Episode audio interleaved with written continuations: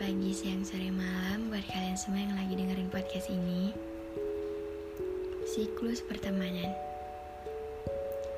Sederhananya, siklus pertemanan pada umumnya yang kita tahu ya dari awal kita kenal, deket, mulai akrab, makin akrab, sampai akrab banget. Nah, mulai itu. Namanya juga pasti ada aja dong masalahnya. Mulai renggang sampai jadi biasa aja, mulai menjauh, dan akhirnya ya makin kayak orang yang gak pernah kenal, makin kayak orang asing yang gak pernah saling sapa. Lucu ya?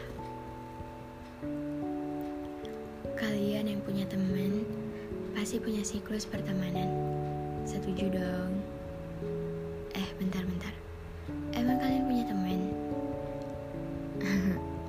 Enggak, bercanda. Siapa sih yang gak punya teman? Kalian pasti punya banyak banget teman. Dan di setiap teman, pasti punya siklus pertemanan yang berbeda. Punya cerita masing-masing dari awal ketemu sampai sekarang. Punya banyak banget pengalaman sedih dan bahagia yang berbeda siklus pertemanan kita semua jelas berbeda. Karena circle pertemanannya aja nggak sama. Ada yang circle pertemanannya tuh stuck di situ-situ aja. Kayak aku misalnya. Dan banyak juga yang circle pertemanannya tuh luas banget. Dalam siklus pertemanan kita semua tahu bahwa nggak semuanya baik-baik aja dalam menjalani pertemanan. Pasti kita pernah ngerasain kecewa satu sama lain. Sedih bareng, bahagia bareng. Pokoknya ya, pasti banyak banget yang kita lewati sama-sama. Banyak banget pengalamannya. Rasanya tuh udah kayak apa ya? Kayak nano-nano mungkin? nano-nano. Banyak rasa soalnya. Menurut aku, ada juga beberapa siklus pertemanan yang gak sehat. Pertemanan yang kelihatannya akur, sering main bareng, selalu bercanda bareng, ketawa bareng, tapi ternyata ada rasa saling iri, rasa saling gak suka, rasa saling egois, rasa kesal selalu ingin menang, sampai memiliki dendam satu sama lain. Semua rasa itu ada di balik keakraban mereka, di depan semua orang, di balik senyum manis mereka, di depan semua orang. Siklus pertemanan yang gak sehat ya, jelas bukan teman deket dong. Dan gak pantas banget kalau kita sebut sahabat. ya, karena itu semua cuma palsu. Jadi ya kenapa kita harus sebut mereka sahabat? Ya nggak sih?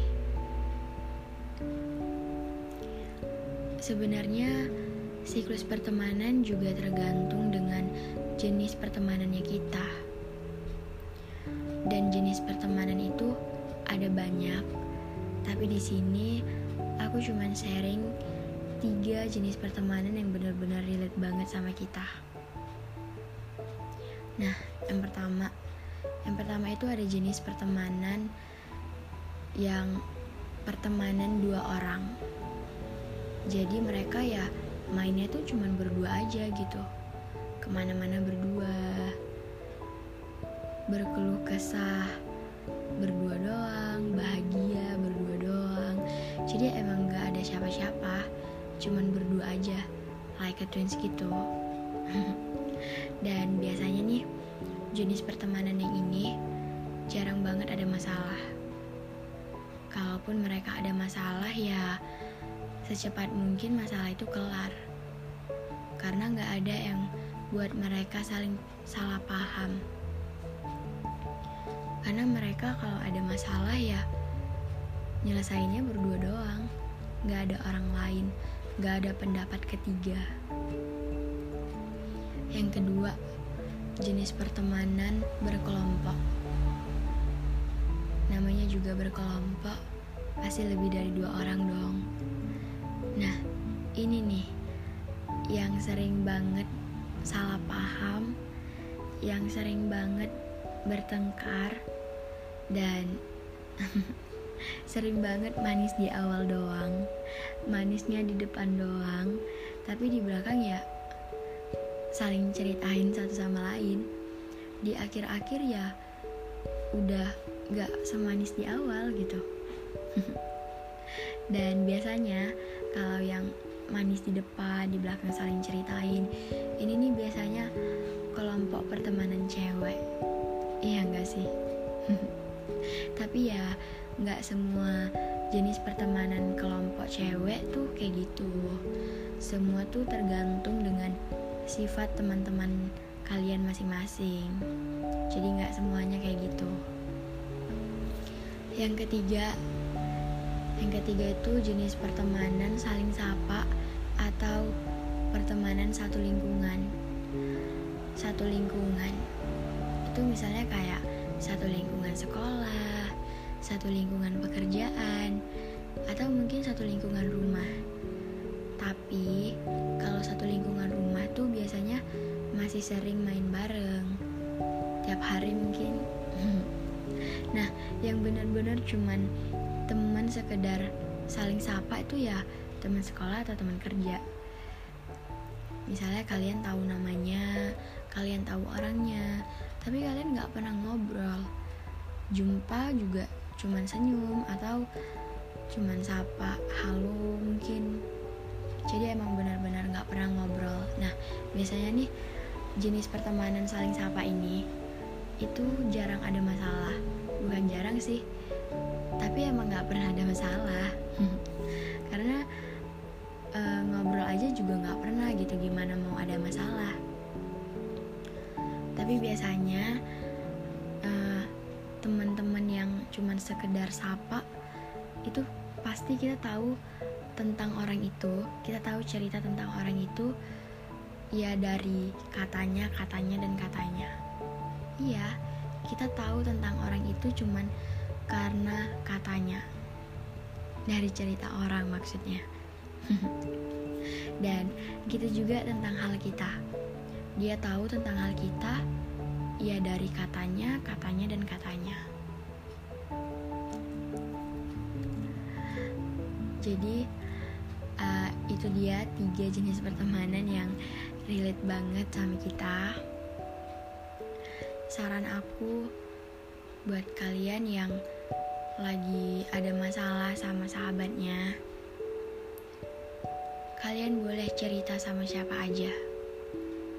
Kalian boleh minta pendapat sama siapa aja. Tapi tolong banget, jangan pernah nerima saran itu mentah-mentah. Kalian juga harus bandingin sama pendapat kalian. Jangan kalian terima gitu aja. Karena nggak semua orang ikut ngerasain apa yang kita rasain. Nggak semua orang kasihan sama kita.